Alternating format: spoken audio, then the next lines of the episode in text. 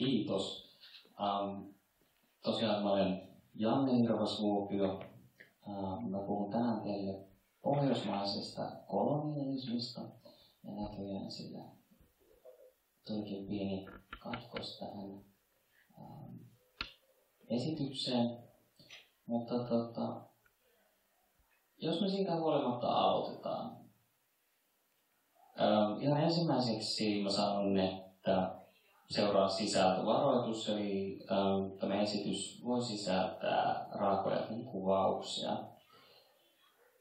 Ja ähm, tosiaan tämän esityksen jälkeen voin äh, vastata teidän kysymyksiin, jos, jos niitä teille tulee, mutta en välttämättä voi luvata, että osaan niihin vastata. Tämä tota, mun esitys on enemmänkin tarinamuodossa kuin perinteisessä luentomuodossa, mutta katsotaan, että miten tämä formaatti toimii. Ole hyvä. Eli pohjoismainen kolonialismi on ja oli valtayhteiskunnan arvojen, käytäntöjen ja järjestelmän levittämistä saamelaisten keskuuteen perinteisten maiden haltuunottoa, mikä tarkoittaa saamelaisten omien arvojen, käytäntöjen ja järjestelmien väistymistä. Koululaitos on opettanut teille, että suomalaiset ovat aina olleet uhreja. Suuressa kertomuksessa toistetaan, kuinka rutiköyhä Suomen kansa on ollut Ruotsin, milloin Venäjän ikeen alla. Teille on kerrottu, että Suomella ei ole siirtomaita. Tämä ei oikeastaan ihan totta. Tätä valotusta ei käyty miekoin tai pyssyin, vaan se käytiin asuttajakolonialismin eli uudisasutuksen, käännytysten, rotututkimusten ja jopa koululaitoksen avulla. Koko Saamenmaa on valjastettu Pohjoismaiden pääkaupunkien tarpeisiin. Vedet on valjastettu vesivoimalle, ikiaikaiset metsät uhrattiin sellukattiloille, pyhät tunturit turismille ja itse maa saastuttaville kaivoksille. Koulujärjestelmä ja asuntolat tukahduttivat monen saamelaisperheen kielen ja osalla kulttuurin. Suomen kansalliseen tarinaan ei koskaan mahtunut saamelaiset, vaikka uudisasukkaat saapuivat Saamenmaalle vasta 1600-luvulla. Suomalaiseen uhrikertomukseen ei ole kelvannut tarina suomalaisista sortajina. Saamelaisten asuttamat maat valloitettiin, saamelaisten sosiaaliset ja kulttuuriset rakenteet tuhottiin. Saamelaiset kahlittiin riippuvuussuhteen suomalaisiin, saamelaiset alistettiin valtakulttuurin arvoihin, normeihin, enemmän tai vähemmän väkivaltaisin tai alistavin keinoin. Mä en ole kuitenkaan täällä tähän kertomassa saamelaista uhritarinaa, sillä en itse ainakaan halua olla uhri. Mä olen täällä kertomassa teille siitä, että tämä kolonialismi ei ole loppunut mihinkään. Se jatkuu edelleen tänä päivänä. Mä olen täällä kertomassa teille, miten kolonialismi pakottaa saamelaisen saamelaista vastaan, miten se on muuttanut ja muuttanut muuttaa saamelaista ajattelutapaa. Miten saamelaiset ovat käyneet ja käyvät jatkuvaa taistelua pohjoismaisia valtakuntia vastaan. Mä aloitan tämän tarinan vuodesta 1852. Suomi oli siirtynyt Venäjän allan alle Venäjä sulki yksipuolisella ilmoituksellaan Norjan vastaisen rajansa suomalaisten uudisasukkaiden vaatimuksesta. Suomen puolen saamelaiset menettivät näin kesälaitumensa ja Norjan puolen saamelaiset talvilaitumensa. Saamelaisille porollisille Luontainen täyspaimentaisuus alkoi hiipumaan, kun jutaminen eli vaeltaminen perinteisten laidun alueiden välillä kävi mahdottomaksi. Saamelaisille valtion rajat olivat ja ovat edelleen keinotekoisia ja rajasulkujen vuoksi laiduntila väheni. Laiduntilan vähetessä useille saamelaisille sukuille, omani mukaan lukien, ei jäänyt muuta vaihtoehtoa kuin muuttaa etelämmäksi poroeloineen. Tämän perusteella 150 vuotta myöhemmin Lapissa kehittyneet saamelasvastaiset uuslappalaisliikkeet alkoivat väittämään saamelaisten olevan Norjasta tulleita maahanmuuttajia.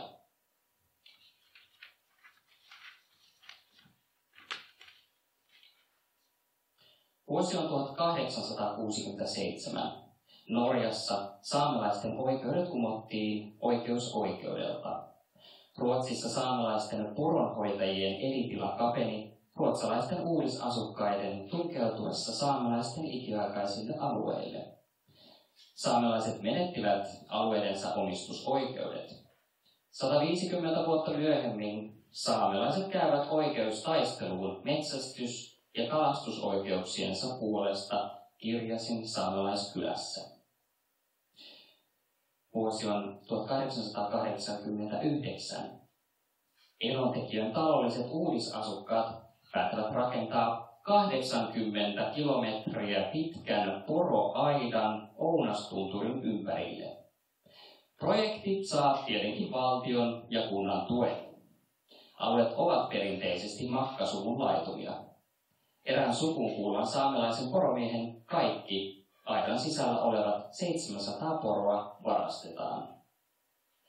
Ounastunturin alueella surmattiin neljä porosaamelaista. Yksi tapettiin porovarkaita jahdatessa, toinen ammuttiin ja pää painettiin hetteeseen. Yhden rinnan päällä pompittiin niin kauan, että peri purskusi suusta ja hän kuoli. Yhden takaraivo hakattiin puukepeillä tohjoksi. Suomen puolen viranomaisilla ei ole rekistereissään asiasta mitään tietoa. Yhtäkään surmista ei tutkittu eikä yhtään uudisasukasta tuomittu teoistaan, vaikka kaikki tekijät on tiedossa. Saamelaiset pakenivat alueelta. Osa näistä tukahdutti saamelaisuutensa terroritekojen vuoksi. Saamelaisten vaikenemisen kulttuurin vuoksi Asioista ei oikein edelleenkään haluta puhua.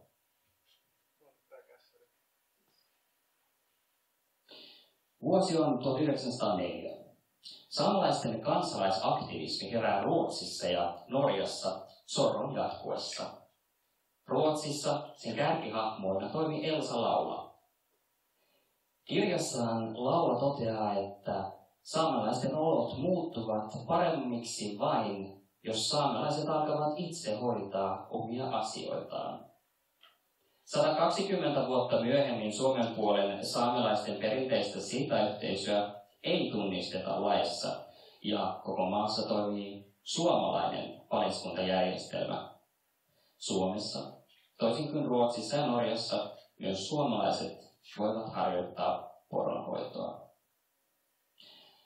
Myöhemmin Elsa Laula joutui pakenemaan Norjaan henkensä uhalla. Hänen kansalaisaktivisminsa ansiosta kuitenkin järjestettiin ensimmäinen saamelaiskonferenssi helmikuun kuudentena vuonna 1917. Tämä päivä tulee olemaan saamelaisten kansallispäivä.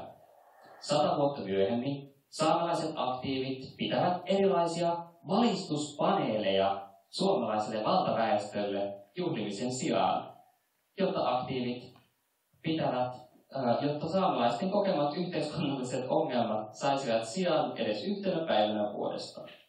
Sillä olemme edelleen valtaväestön hyvän tahdon varassa. Sodat alkavat. Suomen sota ja niiden jälkimainingeista minulla olisi paljon kerrottavaa Saamelaiset luovutti suuren osa poroeloistaan valtiolle. Karjalaisten lisäksi myös saamelaiset evakuoitiin. Suurin osa Pohjanmaalle. Palu kotiin ei ollut helppo, mutta ainakin oli kotilainen palata.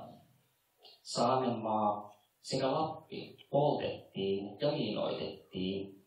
Evakuoilta paluu viivästyi osittain siksi, että jokainen askel saattoi olla tappava. Miinojen raivaustyöt olivat valtavat. 80 vuotta myöhemmin rajavartiolaitos räjäyttelee miinoja edelleen Saamenmaalla. Vuosi on 1947. Suomen saamelaiset lähettivät lähetystön vaatimaan valtiovallalta toimia saamelaisten olojen parantamiseksi. Asiasta julkaistiin komitea mietintö. Komitea, ei tietenkään johtanut yhtään mihinkään. 70 vuotta myöhemmin saamelaiset tekevät taideperformansseja ja järjestävät mielenosoituksia sekä lähettävät aina vain uusia lähetystöjä Helsinkiin, joissa valtiovallalta vaaditaan toimia saamelaisten olojen parantamiseksi. Vuosi on 1952. Eduskunta hyväksyi Kemijokilain, jolla valtiolle luovutettiin kaikki oikeudet Kemijoen vesivoimaan. Kemijoki äh, oli yksi maailman lohirikkaimmista vesistöistä, jonka kalat uivat aina eteläisimpään Saamen maahan, Vuotson kylään asti. Kemijoen, Kemijoen lohi on menetetty, sillä joen pilkku on nykyään 21 vesivoimalaa 70 vuotta myöhemmin kalaportaita ei ole rakennettu ja Kemijoki Oy suunnittelee tällä hetkellä jokeen lisää vesivoimaa. Vuosi on 1954. Vesivoiman rakentamista varten perustettiin Urho Kaleva Kekkosen johdolla Kemijoki Oy, joka aloitti maiden ostamisen vesivoimaprojektia varten. Valtiovalta valtioyhtiö käytti kyseenalaisia keinoja maiden haltuun saamiseksi ja myynnit olivat käytännössä pakon sanelemia. Watson alueen paikalliset saamelaiset perustivat keskuudestaan allastoimikunnan puolustamaan oikeuksiaan. Kemioki Oyn kiinteistöpäällikkö totesi eräälle saamelaisille, että saatte tuntea nahoissanne pojat, kun aloitte sotia meitä vastaan. Alastoimikuntaan kuuluneen Antti Hirvasvuopion maat pakkolunastettiin ja hän sai viidesosan maan todellisesta hinnasta. Siinä tuli piste. Mutta hei, äh, minkä ajan päästä mä voin esittää sinulle kysymyksiä? Sä nyt luennoit, mutta öö, milloin tulee tämä kysymys? Sitten kun luento on ohi, niin sitten, sitten kun luento on ohi, niin sitten tulee kysymyksiä. Joo, eli monen minuutin päästä? Mä oon nimittäin asunut Lapissa. Mulla on kysymyksiä. Puolen tunnin päästä varmaan. Joo, joo, 30. Eli jatka vaan. Varmaan kannattaa kuunnella luento, jos haluaa esittää öö, Siis mä tunnen nämä story. Joo. No siinä oli taas valtaväestö otti puheenvuoron pyytämättä ja kysymättä. Katsotaan, saako hän vastauksia. Vuosi 1954 vesivoiman rakentamista tosiaan varten perustettiin Urho Kekkosen johdolla Kemijoki Oy, joka aloitti maiden ostamisen vesivoimaprojektia varten. Valtionyhtiö käytti kyseenalaisia keinoja maiden haltuun saamiseksi ja myynnit olivat käytännössä pakon sanelemia. Alastoimintokuntaan kuuluneen Antti Hirvasvuopion maat pakkolunastettiin ja hän sai viidesosan maan todellisesta hinnasta. Myös oma isoäitini joutui allasevakoksi ja hän muutti Vuotson kylään kymmenien muiden saamelaisperheiden kanssa. Vuosi on 67. Jos luulit vesivoimaa täysin puhtaaksi tavaksi tuottaa energiaa, olet väärässä. Patojen lisäksi vesivoima nimittäin tarvitsee säännöstelyaltaita. Ainutlaatuisia suoalueita tuhoutui, metsiä hakattiin, kalliota louhittiin, suot ojitettiin ja noin kolmas osa Vuotson alueen parhaista laidunmaista tuhoutui. Lohet eivät enää nousseet eteläisimpään Saamen maahan, eivätkä ne nouse vieläkään. Paikalliset onnistui viivyttämään altaiden käyttöä viisi vuotta. Opiskelijaliike kykeni viivyttämään käyttöä vielä viikolla. Lokan säännöstelyallas täytettiin 67, porttipahtaan vuonna 70. Alue halkoi lopullisesti vielä altaiden väliin rakennettu kanava, joka valmistui 81. Kemijoki Ovet viittasi muutama viikko sitten, minkälainen Lapin kevättulolla 2020 olisi ollut ilman Lokan ja Porttivahdan tekoaltaita ja Kemijärven säännöstelyä. Kemijoki on ilmeisesti vähitellen huomannut, että sen täytyy perustella olemassa oloaan jo talvollisilla kevättulvilla. Vesivoiman lisäksi Metsähallitus teki Vuotson alueella jättiläismäiset hakkuut, Nämä raiskiot eivät ole vieläkään kasvaneet takaisin vanhoihin mittoihinsa, sillä puu kasvaa Saamenmaalla hitaasti. Monet kuvittelevat, että puut eivät kasva järeiksi Lapissa, Lapissa ja Saamenmaalla ollenkaan. Se on jossain määrin väärä tieto. Eteläisimmässä Saamenmaassa on vielä olemassa yhtä pitkiä Anteeksi on olemassa vielä yhtä pitkiä ja vankkoja puita kuin etelässä.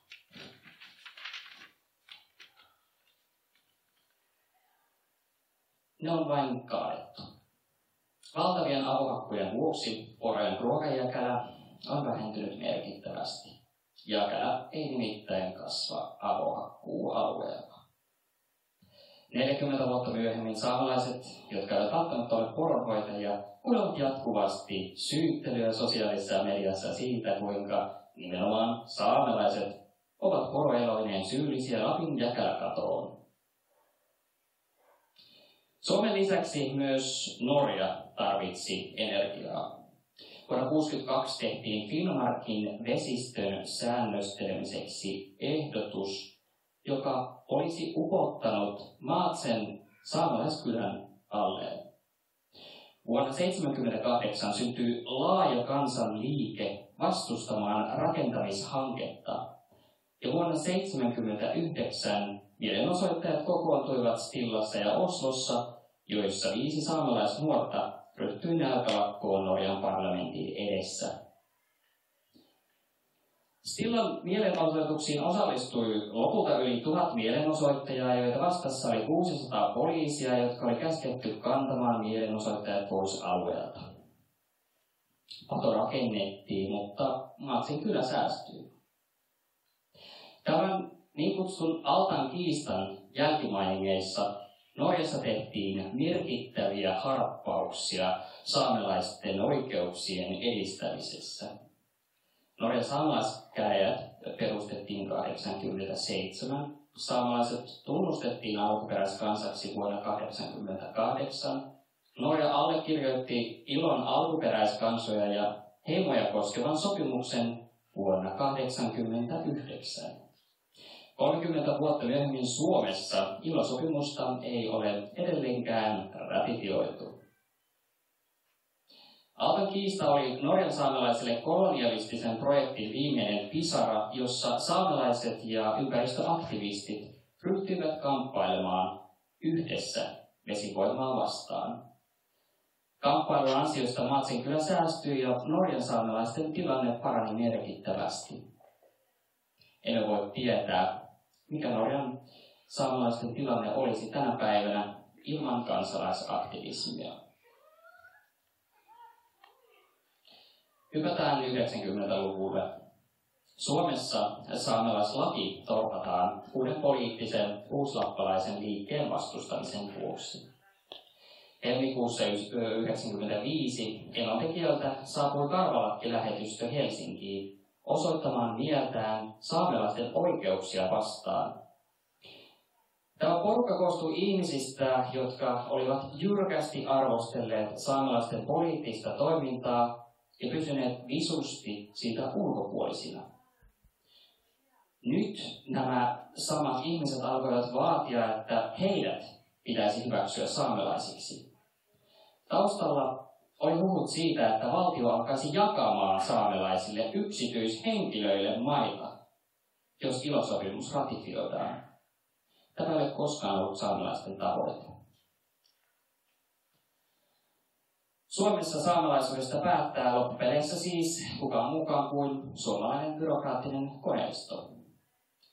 Korkein hallinto-oikeus torppasi näiden uuslappalaisten hakemukset saamelaisiksi perusteettomina aina vuoteen 2011 saakka, jolloin se yllättäen vaihtoi tulkintalinjaansa. Saamelaiskäräjät ovat pitäneet saamelaiskäräjän lakia huonona perustamisestaan lähtien. Suomessa saamelaisten asioista päättää kuitenkin suomalainen eduskunta, ei saamelaiset itse edes saamelaisia itseään koskevissa asioissa. Ei, vaikka YK ihmisoikeuskomitea on antanut Suomelle jo kaksi langettavaa päätöstä ihmisoikeusrikkomuksista saamelaiskysymysasiassa.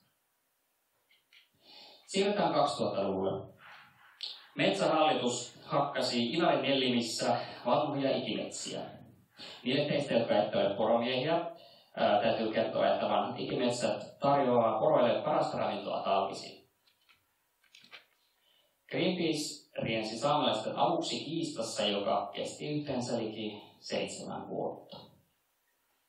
Asiassa saavutettiin sopu vuonna 2010. Ilmassa on merkkejä siitä, että kiista on sy- syttymässä jälleen liekkeineen. Vuosi 2014. Metsähallituslaista neuvotellaan. Metsähallituslaki on saamelaisten kannalta merkittävimpiä erityislakeja. Liittyyhän metsien käyttö vahvasti saamelaisen kulttuuriin ja perinteisiin elinkeinoihin. Saamelaiset olivat neuvotelleet metsähallituslakiin liittyvästä saamelaiskulttuurin suojasta, joka oli merkitty hallituksen esitykseen. Vuonna 2016 saamelaiset huomasivat, että kaikki saamelaiskulttuurin suojaa koskevat pykälät oli pyyhitty pois. Metsähallituslakia koskeva esitys oli käytännössä valmisteltu salassa neuvottelematta saamelaisten kanssa asiasta lainkaan. Pykälien jättäminen pois ei perustunut kuitenkaan poliittisiin päätöksiin, vaan maa- ja metsätalousministeriön virkamiesten linjauksiin. Maa- ja metsätalousministeriön hallitusneuvos kertoo valiokunnassa antamassaan lausunnossa seuraavaa. Esitys ei sisällä saamelaisten asemaa heikentäviä muutoksia.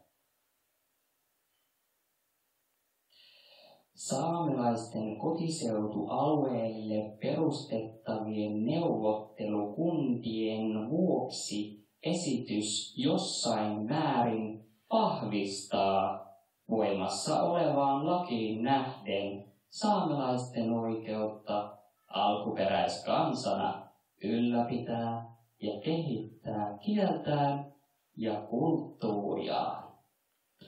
Maa- ja metsätalousministeriö katsoo, että ehdotetut säännökset yhdessä saamelaiskäräjistä annetun lain tarkoitetun neuvotteluvelvoitteen kanssa turvaavat riittävällä tavalla perustuslain mukaisen saamelaisten oikeuden ylläpitää ja kehittää omaa kieltään ja kulttuuriaan.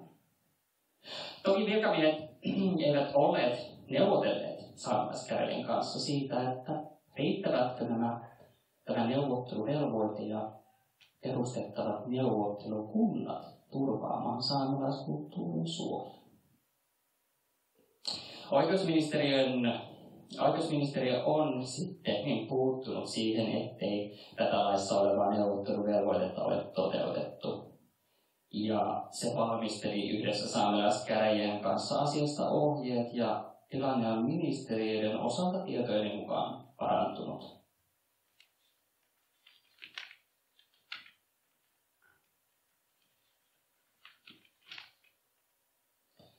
Vuosi on 2017 Tämä vuosi tiesi jääkylmää kyytiä saamelaisille. Keskustalainen Anne Berner toi julkisuuteen tiedon Jäämeren radasta. Niille, jotka eivät vielä tiedä, Jäämeren rata on tarkoitus rakentaa Rovaniemen ja Norjan kirkkoniemen välillä. Jäämeren radan tarkoitus on kerätä fossiilisia polttoaineita, puutavaraa sekä kaivosmineraaleja pohjoisesta. Jäämeren rata katkaisisi saamelaiset poronhoitoalueet ja paliskunnat kahtia, mikä pirstaloisi täydellisesti saamelaisalueen itäisen poronhoidon. Laadun kierrosta tuli, tulisi mahdotonta ja aina vapaana kulkeneet porot kahdittaisiin tarhoihin. Kapitalismi tuli apuun. Konsulttiyhtiöt totesivat radan kannattamattomaksi ja puolustusvoimat turvallisuuspoliittiseksi uhaksi. Valtio torppasi hankkeen. Asia popsahti esiin nopeasti kuin vieteri ukko. Eräänä aamuna radiossa kuultiin ilmoitus, jonka mukaan Peter Westerbakka on luotsaamassa Jäämeren rataa yksityisellä rahoituksella. Saamelaiset kävivät nopean vastarintaan, jonka seurauksena Westerbakka moitti saamelaisjärjestöjä vihan täyteisiksi ääriradikaaleiksi, jotka eivät suostu dialogiin. Herralta olisi tosi, oli tosi hänet huomaamatta, että olisi hänen tullut neuvotella saamelaisten kanssa tästä asiasta ennen mitään suunnitelmaa.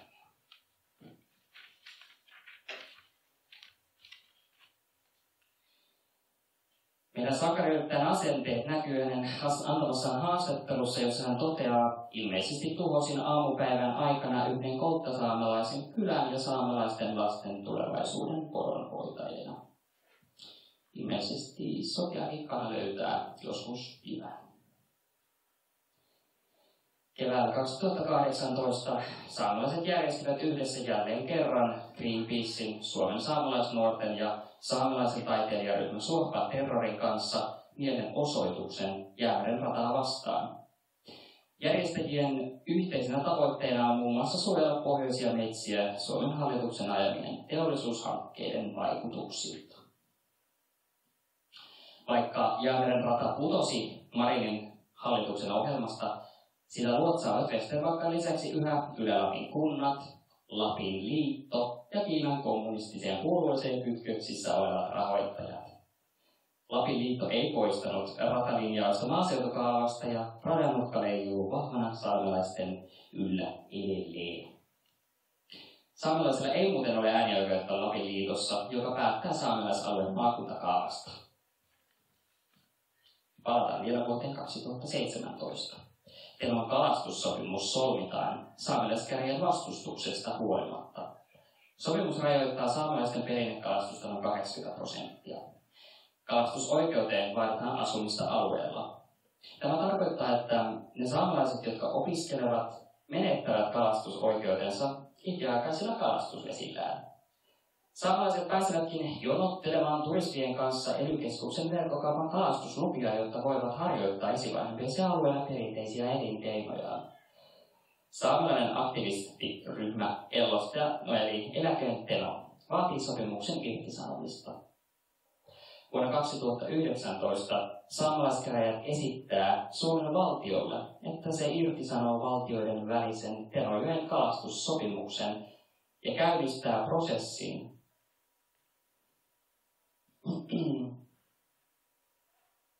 Anteeksi.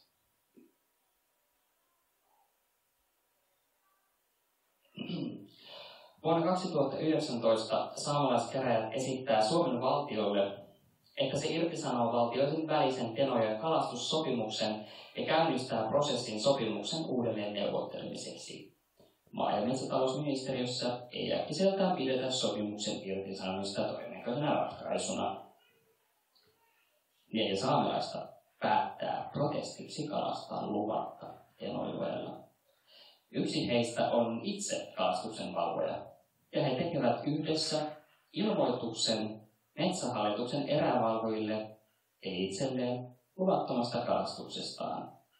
Asia viedään käräjäoikeuteen, jossa saamelaiset voittavat käräjäoikeudessa jutun. Asia siirretään korkeimpaan oikeuteen ja odottaa edelleen lopullista päätöstä. Siirrytään vielä Ruotsiin. Tammikuun lopussa Kirjasin saamelaiskylä voitti Ruotsin valtiota vastaan käymänsä oikeudenkäynnin. Ruotsin korkein oikeus päätti, että saamelaisilla on yksin oikeus päättää, miten metsästystä ja kalastusta harjoitetaan kylän alueella. Ruotsin valtio oli nimittäin 90-luvulla päättänyt laajentaa merkittävästi ulkopuolisten mahdollisuuksia metsästää ja kalastaa alueella. Kymmenen vuotta kestäneen oikeustaistelun jälkeen rasismi ja vihapuhe räjähtivät saamelaisia vastaan Ruotsissa. Ruotsalaiset teurastivat saamelaisten poroja ja jättivät ne kitumaan alueella. Saamelaiset joutuvat tämän kaltaisiin tilanteisiin jatkuvasti puolustuessaan oikeuksiaan. Kirjasin tapaus maksoi kolme miljoonaa euroa saamelaisille. Myös Tenojoen kalastussopimuksessa yksittäiset saamelaiset joutuvat lähtemään taisteluun oikeuksistaan omalla kustannuksellaan. Kaikesta tästä huolimatta Sipilän hallitus päätti vuonna 2017 asettaa saamelaisten totuus- ja sovintoprosessin. Marinin hallitusohjelman mukaisesti työtä jatketaan nykyisellä hallituskaudella. Prosessin tavoitteena on koota saamelaisten kokemukset Suomen valtion ja eri viranomaisten toimista sekä tehdä tämän tieto näkyväksi. Historiallisesti totuuskomissioiksi tai totuus- ja sovintokomissioiksi kutsutaan prosesseja, joissa tarkastellaan historiassa tapahtuneita kollektiivisia vääryyksiä. Tämä prosessi herättää ristiriitaisia tunteita. Mä olen siis ensinnäkin vahvasti sen kannalla, että saamelaisilla on suuri tarve tuoda esiin historialliset ja tänä päivänä tapahtuvat valtion aiheuttamat epäoikeudenmukaisuudet. Sulauttamispolitiikka, maiden ja resurssien varastaminen, asuntoa kokemukset, kielen ja identiteetin varastaminen, pakkokäännytykset, hengellisyyden ja pyhien paikkojen häpäisy ja rotututkimukset. Saamalainen alkuperäiskansatutkija Ranna Kuokkanen on todennut, että vaikkakin totuus- ja sovintokomission työ on periaatteessa progressiivista, se on kolonialismin, kolonialismin jatke, jos valtio ei lopeta saamalaisten oikeuksien polkemista. Tästä mä olen samaa mieltä. Saamelainen on vuosisatoja väistynyt ja väistynyt niin kutsutun edistyksen tieltä. Väistymme kristinuskon tieltä, väistymme rajasurkujen tieltä, väistymme sodan tieltä, väistymme vesivoiman tieltä, väistymme avohakkuiden tieltä, väistymme kullankaivajien tieltä, väistymme turismien tieltä, väistymme tuulivoiman tieltä ja väistymme suomalaisen ajattelutavan tieltä. Nyt olemme siinä tilanteessa, että meillä ei ole paikkaa, mihin väistyä. Kolonisaatiota nimittäin jatketaan, kunnes saamelaiset on pyyhitty pois kartalta. Mä kultin koko viime kesän auttaessani Käsivarren alueen saamelaisia, joiden perinteisille alueille tehtiin Helsingin kokoinen kaivosvaraus. Saimme kerättyä suomalaisten ja saamelaisten yhteistyöllä adressiin liki 40 000 nimeä kymmenessä viikossa. Nyt yritämme vaikuttaa kaivoslain uudistukseen. Valmistelussa oleva kaivoslain uudistus ei sisällä merkittäviä saamelaisten asemaa koskevia parannuksia, luonnonsuojelualueetkin ovat edelleen vallattavissa. Kaikesta tästä johtuen en oikein tiedä, että kuinka totuus- ja sovintoprosessin kanssa tulisi edetä. Sen kuitenkin tiedän, että en ole täällä tänään kertonut teille uhritarinaa, vaan tarinaa sitkeistä saamalaisista, jotka ovat vaikeuksista huolimatta selvinneet suomalaisen kolonialismin alla olen kertonut teille, että pieni kansa on onnistunut vuosikymmenten aikana vahvistumaan, ja pääosa tässä mielestäni on näytellyt kansalaisaktivismi ja saamelainen taide, joka on tuonut myös kolonialismia näkyväksi.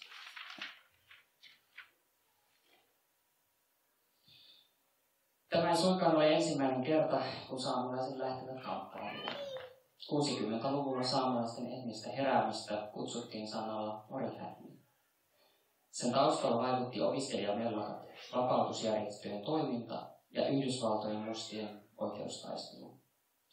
Saamelaisen Nils-Henrik Valkeapään mukaan uusi sukupolvi oli niitä, jotka olivat syntyneet sotien aikana ja käyneet sotien jälkeen kouluja. Siihen asti ajattelutapana oli ollut, että herroja täytyy pelätä eikä saa vaatia mitään. Herratkin olivat tottuneet siihen, että saamelaiset ovat arkoja eikä niistä ole vaaraa. Mutta me nuoret luntaat emme älynneet pelätä sellaista. Jätäkin teille nämä Nils Henrik Valkeapään sanat. Mitä lähemmäksi pääsemme tavoitteitamme, sitä enemmän meitä myös vastustetaan. Kiitos. Joo,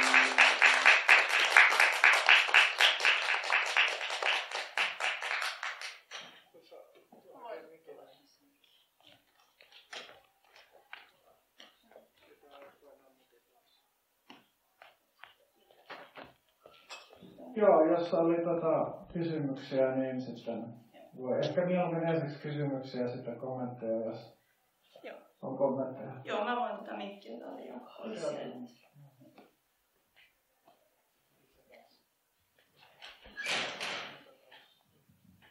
Joo, tästä äh, herää se kysymys, että miten tätä voitaisiin viedä eteenpäin, että millaisia instituutioita ähm, sun mielestä voi käyttää tähän ja millaisia instituutioita pitäisi luoda tähän. Totta kai pitää olla tätä aktivismia, mutta sitten taas kun on tämä valtioinstituutio, jonka kanssa toimitaan, niin millaisia, mi- mitä pitäisi äh, niin kuin, äh, luoda, että mi- että millaiset instituutiot voi toimia toisaalta valtion sisällä ja toisaalta sitten saamelaisten, saamelaisten puolesta. Niin kuin sun ideaalimaailmassa tässä, niin kuin, ollaan tässä maailmassa, mutta sun ideaalitilanteessa näin, niin kuin, että saamelaisilla olisi nämä resurssit, niin miltä se näyttäisi? Kiitos, oikein hyvä kysymys. Um, tässä tietenkin tässä esityksessä ei ehkä tullut niinkään esille nämä olemassa olevat rakenteet, joita on jo olemassa. Eli kuten Norja, mä puhuin Norjasta ja miten siellä perustettiin saamelaiskäräjät 80-luvun lopulla, niin Suomen perustettiin 90-luvun keskivaiheella tota, myös saamelaiskäräjät, jotka sitten käytännössä hoitaa saamelaisten poliittisena elimenä niin kuin, ää, virallisesti saamelaisten, saamelaisten asiaa. Ja tässä ehkä saamelaiskäräjien tapauksissa on ollut se ongelma, että sitä ei aina varsinkaan sen alkuvuosina ihan otettu tosissaan. Että mä mainitsin nämä neuvotteluvelvoitteet, jotka on tullut lakiin, niin, niin niitä ei, ei alun perin noudatettu. Mutta tämä tilanne on niin saamelaiskäräjien osalta poliittisena elimenä mun mielestä parantunut ja sanoisin, että nimenomaan saamelaiskäräjien ja valtioiden väliset neuvottelusuhteet on mä, mun oman kokemuksen mukaan niin parantunut. Ja myös, myös niin kuin ministeriön, ministeriöiden tasolla on alettu ottamaan tosissaan myös niin kuin nämä neuvotteluvelvoitteet, erityisesti oikeusministeriön avustuksella ja, ja tota, sen lisäksi niin myös nämä niin kuin muut ministeriöt on, on alkanut pitämään enemmänkin sellaista neuvottelusuhdetta. Tietenkin toinen kysymys on se, että, että missä määrin nämä neuvotteluvelvoitteet on vaan sitä, että täytetään ikään kuin tällainen niin kuin pakko, että sitäkin on edelleen olemassa. Ja tota, että saamelaisten niin kuin, tämä neuvotteluvelvoitehan ei velvoita mihinkään, mutta mä sanoisin, että ideaalimaailmassa niin tässä realistisessa ideaalisessa maailmassa niin, niin saamelaisilla olisi ainakin edustus näissä ää, näissä niin kuin, ää, tai veto-oikeus niin kuin kaivosasioihin esimerkiksi, ja että nämä niin luonnonsuojelualueet, erämaa-alueet, natura-alueet, nämä vastaavat olisi niin kuin rauhoitettu ää, muulta, esimerkiksi kaivostoiminnalta tai avohakkuilta. Että olisi tavallaan se oikea sanakin siihen, että miten siellä Saamenmaalla esimerkiksi käytetään näitä resursseja. Ja että se olisi niin kuin saamelaisten ää, Saamelaisilla olisi niin oikeasti sanottavaa siihen, että saamelaiset ovat valitettavasti myös saamelaisalueella vähemmistössä, mikä on sitten tämmöinen reaalimaailman ongelma. Mutta kiitos kysymyksestä.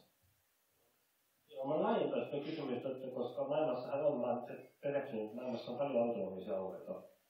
Suomessa oli yksi Ahvenanmaa, joka saatiin kans, siitä sata vuotta sitten saatiin semmoinen sopimus Ahvenanmaan kanssa. Kansayhteisö se hyväksyi, YK on sitä mandaatit on tutkinut. Muissa maissa on samanlaisia. Skotlanti, Katalonia haluaa nyt itse. Jos kysymys olisiko sulle semmoinen Ahvenanmaan tai Grönlannin tai tämmöinen hyvin laaja itsehallinto, tai vähän niin kuin Lakotia Nation, ja sitten se toimii ulkopolitiikkaa vaan täällä Helsingissä. Koska tämähän olisi, Ahtisaarikin sanoi aikoina, että Atsehin maakunta, joka on ihan erilainen maakunta kuin Indonesia ja muut maakunnat, niin hän ei voi taata sen itsenäisyyttä, mutta voi takaa se alkoholia. Siellä. Mutta taas tämmöiset, sanotaan, jos olisi joku muu valtio ottanut saamelaisalueen aikoinaan, ja olisi niin vaikka luo, no Neuvostoliitto tai Saksa, niin sitten se olisi ihan miehitys. Niin kuin Namibiassa tehtiin, vaikka eilen kuuntelin namibialaisen kanssa puhua tästä. Mutta se pointti on nyt oikeastaan siinä, että pitäisikö tämmöinen Ahvenanmaan alueet kanssa tulla, koska itsenäisyyttä tuskin saadaan, se menee sitten separatismin kautta, mutta ei saanut edes kaikki. Että on osa semmoisesta, jotka on luopunut koko separatismin käsitteestä sitten ne hyväksyy sinne laajan. Mun mielestä tämä olisi nyt pysyvä ratkaisu. Ahvenanmaahan yritti liittyä Ruotsiin. Sitten Suomi sanoi, ei, ei, ei, tämä ei käy meille, mutta annetaan teille itsehallinto. Ja Ruotsi oli niin, no ruotsalaiset tietää, niin ne poisti ne saaret siitä kautta ja sanoi kanssa, että joo, katsokaa nyt se, se ei se kuulu Suomelle. Koska se kuulu saaristo poistettiin siitä kanssa. Nyt sitten kun mentiin Japanin noin toimestojen niin katsoa, että aha, täällä onkin tämmöistä. Eli se pitäisi niin se käydä, mennä johonkin isompaan, eikä Arkadiemäelle, koska ei, ei Ahvenanmaan kohdalla menty Arkadiemäelle, vaan mentiin Geneveen kansanyhteisöön. Ja sanottiin, että siellä, että meillä on iso kova saaristo, ja me halutaan sen vaalinnella. Kiitos. Tässä oli uh, itse asiassa kaksi pointtia, tosi hyvä pointti, ja kiitos hyvistä kysymyksistä. Puhuit, niin kuin, että jos vertaa vähän niin vaikka muihin maihin. Tai Suomen sisällä. Tai Suomen sisällä, mutta nyt mä mietin tätä just kun saamelaiset asuu Suomen, Ruotsin, Venäjän ja ää, Norjan alueella, niin, niin että esimerkiksi Venäjän tilannehan on ollut vielä pahempi kuin vaikka Norjassa, jossa se oli se pakkosulauttaminen todella raskasta, raskaampaa kuin Suomessa. Um, ja tota, mä sanoisin, että siinä, siinä mielessä on, niin kuin, on, on niin kuin hyvä, että, että Suomessa ei sentään tällaista ole tapahtunut, mutta sieltähän jouduttiin silloin sotien jälkeen luovuttamaan alueita, josta kolttasaamelaiset sitten ää, siirrettiin tuonne Inarin alueelle ja heillä sitten on siellä vielä oma saamelaiskäräjän lisäksi, on tosiaan saamelaiskäräjä, mutta sen lisäksi heillä on oma, oma eli, koltta elimensä siellä ja näin. Mutta tuohon itsehallintoon, niin Suomen lain mukaan niin meillä on kulttuuri-itsehallinto. Mä olen itse tutkinut tätä asiaa jonkun verran mm, ää, omassa opiskeluissani, niin ää, se on aika hähmäinen käsite, että mikä meillä on, koska se kulttuuri-itsehallinto, mitä se sitten niin pitää sisällään, että kielen ja kulttuurin, niin se on aika rajattu jopa. Että mä, mutta mä näkisin, että saamelaisten niin poliittisina elimenä saamelaiskäräjät on onnistunut tota, mm, ehkä niin kuin lisäämään tätä niin kuin muutakin vaikutusvaltaansa kuin vain niin kuin tämä kulttuurin osalta. Että esimerkiksi maa-oikeuskysymyksissä niin on yritetty vuosikausia tehdä töitä sen eteen, että tulisi niin kuin suojeltu, suojeltua ne alueet siellä paremmin, mutta tota, siinä onnistumatta. Mutta tota, on kuitenkin aika niin kansalaisaktivismiin liittyvä tilaisuus, niin mä korostan sitä, että saamelaiskäräjäthän on, sitä on edellä perustettiin muistaakseni 40-luvun lopussa, 50-luvun taitteessa, ja se on niin kuin ollut enemmänkin sellaista niin kuin, virallista kansalais, kansalaistoimintaa. Ja tavallaan saamelaisten poliittinen ää, ja taiteellinen ja kulttuurinen niin kuin elämä on 90-luvulla asti. Ja ehkä sen jälkeenkin niin nivoutunutkin vahvasti yhteen, että kaikki taide on poliittista ja sen avulla on sitten saavutettu vaikkapa saamelaiskäräjät, että tavallaan tämä saamelaisten niin kamppailu on edelleen niin kuin, se on ehkä nousemassa uuteen, uudestaan, uudestaan niin kuin kysymykseen sen takia, että että tota, ollaan nähty, että saamelaiskäräjät ei aina ole välttämättä onnistunut, kun sillä on se tietty rooli, se on ymmärrettävä rooli, niin ei välttämättä pystynyt sitten herättelemään niin kuin kansaa siihen, että he toimivat valtion sisällä ikään kuin. En tiedä, vastasiko tämä mitenkään kysymykseen. On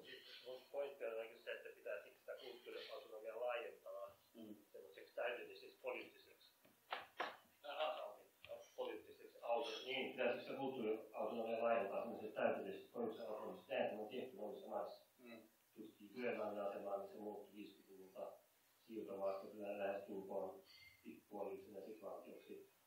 Ja sitten äh, nythän se voi kai jonkunla, tai viimeksi viikolla oli viikko sitten vai kaksi sitten, uusi Kaledonia päätti pääsäännöstyksellä pysyä Ranskan osana, mutta saa tämmöisen niin laajemman itsehallinnon. Ei ole kulttuuri itsehallinnon ihan poliittisesti itsehallinnon. Saa päättää omista veroista, maasta, kielestä ja kaikista. Ja Ranska hoitaa vaan ne ulkopuoliset suhteet.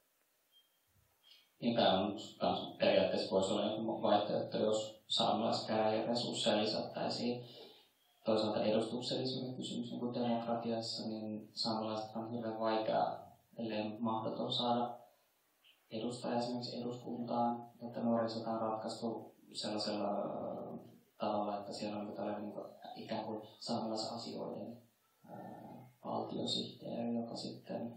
Saamelaiset vaalipiiri. Anteeksi? Saamelaisten vaalipiiri. Niin, niin siinäkin. Joo, Ylä-Lappi. Joo. On aika, se Lapin vaalipiiri on aika, aika läheltä puolet Suomesta, että sillä niin kuin saamelaisten äänillä ei eduskuntaan pääse. Oliko muita kysymyksiä? Okei, se. Ää, Sä varmaan tunnet Ingermanin Aitle. Ää, tiedän, en tunne. Just näin. Ää, Mä tunnen. Ja ää, tämän ajan ongelma on uusiutuminen. Eli, eli ei samakkoa maanpäivänä löydy, joka ei kettä kertoa syyttäisi. Eli, eli tavallaan, että ainoa asia minä tässä maailmassa, tässä media-ilmastossa, tässä niin viihteellisessä, pop-tyylisessä niin kuin, äh, uhriutumisilmassa kannan huolta nepalilaiset tyttölapset. Just näin. Eli, eli tavallaan, että ilman Suomi-rahaa, niin eka muista tulee Utsoilta, Mandrielle. Mä oon tavannut enemmän saamelaisia kuin koskaan elämässä ää, tää niin kun, jos joku sanoo mulle, että senkin valko, pitäisikö mun loukkaa? Jos joku sanoo sulle, että senkin saa, se ei todellakaan pitäisi loukkaa. Eli, eli tulla tää- kysymystä? Niin, Oliko tässä joku kysymys? Eli mikä on kysymys? Se ei ole esitelmä, vaan Esitelmä monologi. vastasi Tää- tähän Joo, hei. kysymykseen. Eli tähän on vastattu. Joo. Niin mä tosiaan vastasin tähän, vastasin tähän kysymykseen. Niin, niin, mutta siis me ei saatu kysymystä. Haluatko sä jotenkin kommentoida tähän? Mitä ei, esitä sitten se sun kysymys. Enpä esitä. Okei, kiitos. Haluatko, haluatko luennoitsija kommentoida tätä? Jees, kiitos. Kyllä tämä oli, ensinnäkin oli kyllä monologi, olet ihan oikeassa siinä. Uh, otin myös tähän uhrikysymykseen, uhriutumiskysymykseen, uh, kommentoin siihen, mutta sä et ole paikalla kuuntelemassa siihen.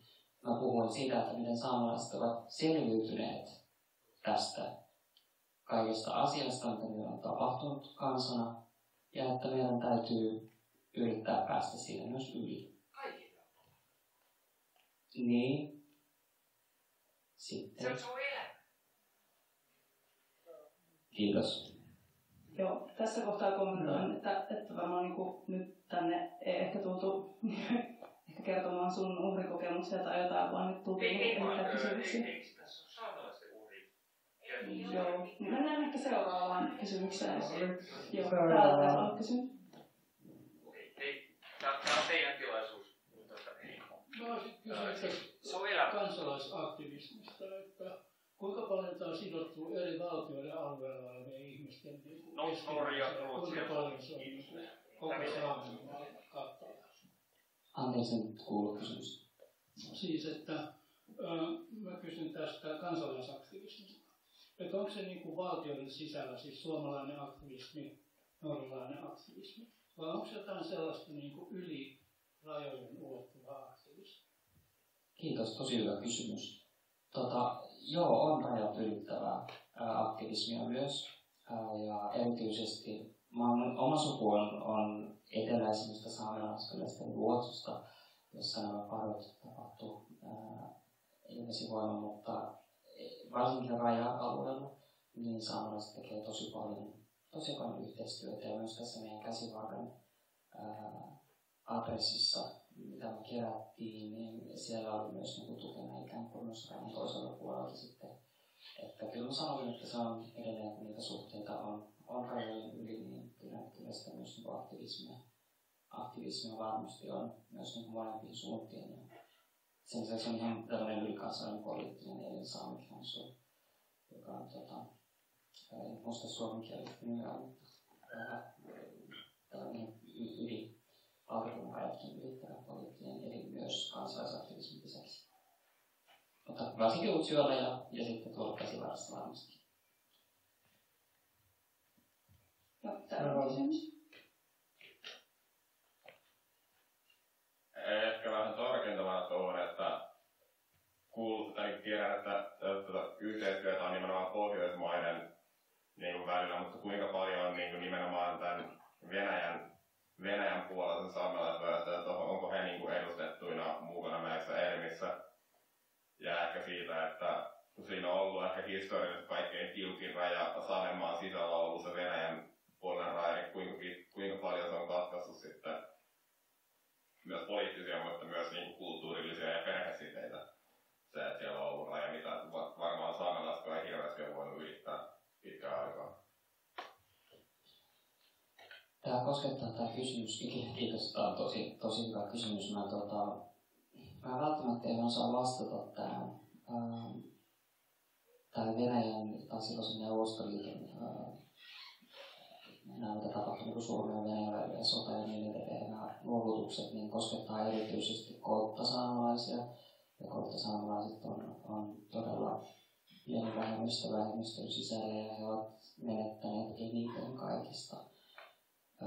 He ovat menettäneet omat maansa ja siellä on nykyään nikkelikaivokset, jotka itse asiassa suljetaan pian ironista kyllä, niin nämä kaivokset ovat sitten tässä vuosisadan aikana saastuttaneet ja tulee juuri nimenomaan, nämä saasteet siis tulevat juuri nimenomaan niille alueille, koltat ovat Suomen sisällä niin paineet.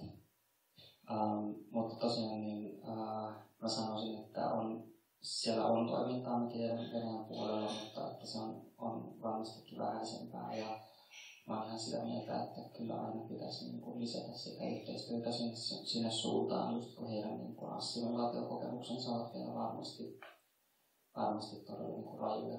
Ja sitten, että siellä olisi varmasti tilaa, mutta me tiedetään sitten Venäjän, Venäjän tilanne, ongelmainen tilanne kaikkia vähemmistöjä kohtaan, niin tota, en tiedä sitten, että miten siihen mutta käsittääkseni ovat kyllä edustettuina myös, myös näissä pohjoismaisissa elimissä, mutta mä en, en tähän tiedä tarkkaa vastausta, kun näin, näin näistä korkeimmista poliittisista elimistä niiden toimintaan en kyllä tunne. Ehkä joku osaa vastata.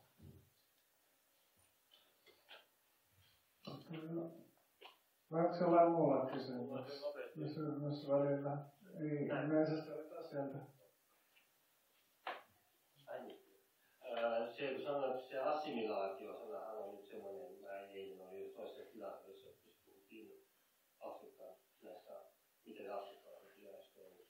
Ja assimilaatio-sana on hyvin voimakas sana. Eli se tarkoittaa Venäjän assimilaatiota, Norjan, Suomen, Ruotsin, niin on tämä isoja eroja. Mua siis kiinnostaa, että mihin assimilaatio voi tarkoittaa vaikka kokonaan leviää. Mm. Ja sanoit, niin kuin just tuon, että niin kuin aivopesta, olla niin kuin uskontokyky tai pois tai kieli, niin jos tässä verrataan näitä maita niin paremmuusjärjestyksessä ikään kuin, niin mikä olisi se järjestys? Huonommasta vaikka, alo- vaikka aloittaa, niin sitten tietäisi kaikki Tämä varmaan tarvitsisi kulttuurin tutkija, mä itse valtiotieteilijä. Uh, mun oma henkilökohtainen mielipide on varmaan niin kuin, se, että tässä niin kuin, täytyy muistaa, että saamelaiset ei itsessäkään ole, ole niin, mitenkään homogeeninen ryhmä. Että teen tämmöisen tarkennuksen tähän, että Suomessa asuu kolme, kolme uh, saamelaisryhmää, uh, tunturisaamelaiset tai jotka puhuu pohjois-saamea, on itse kuulun. Ja sen lisäksi on vähemmistöjä Inarin saamelaiset ja kolttasaamelaiset. Ja sitten toisissa Norjassa on vielä useita muita, jotka liittyvät hyvin pitkälle. Eli tavallaan puhutaan myös kulttuurin moninaisuudesta, että emme ole myöskään sisäisesti homogeeninen ryhmä, vaikka olemmekin yksi kansa. Mutta ähm, jos näitä valtioita verrataan, niin se, se kysymys ja se vastaus on varmaan niin pitkä, että mua pelottaa tehdä mitään yksinkertaistuksia, mutta mä sanoisin, että Norjassa ja Venäjällä on ollut pahin tilanne. Sen suhteen, että ja siis assimilaatiolla sulauttamisella siis tarkoitan vielä siis sitä, että äm, erityisesti niin kuin näistä käytänteistä, kulttuurisista käytänteistä, kielestä, uskonnosta, muusta kulttuurista tulee ikään kuin valtaväestön, tai että sulaudutaan niin sanotusti valtaväestöön, eli puhutaan tällaisesta niin enemmänkin kulttuurisesta assimilaatiosta, en, en välttämättä niin kuin, ähm, aivopesusta tämmöistä vastaavasta, että puhutaan kulttuurisesta. Joo, nyt kello tulee kymmentä yli, pitäisi varmaan lopetella. Me ollaan nyt kymmenen minuuttia oikeastaan myöhässä, kun aloitettiin myöhässä, mutta kiitos erittäin hyvästä alustuksesta. Kiitos. Kiitos.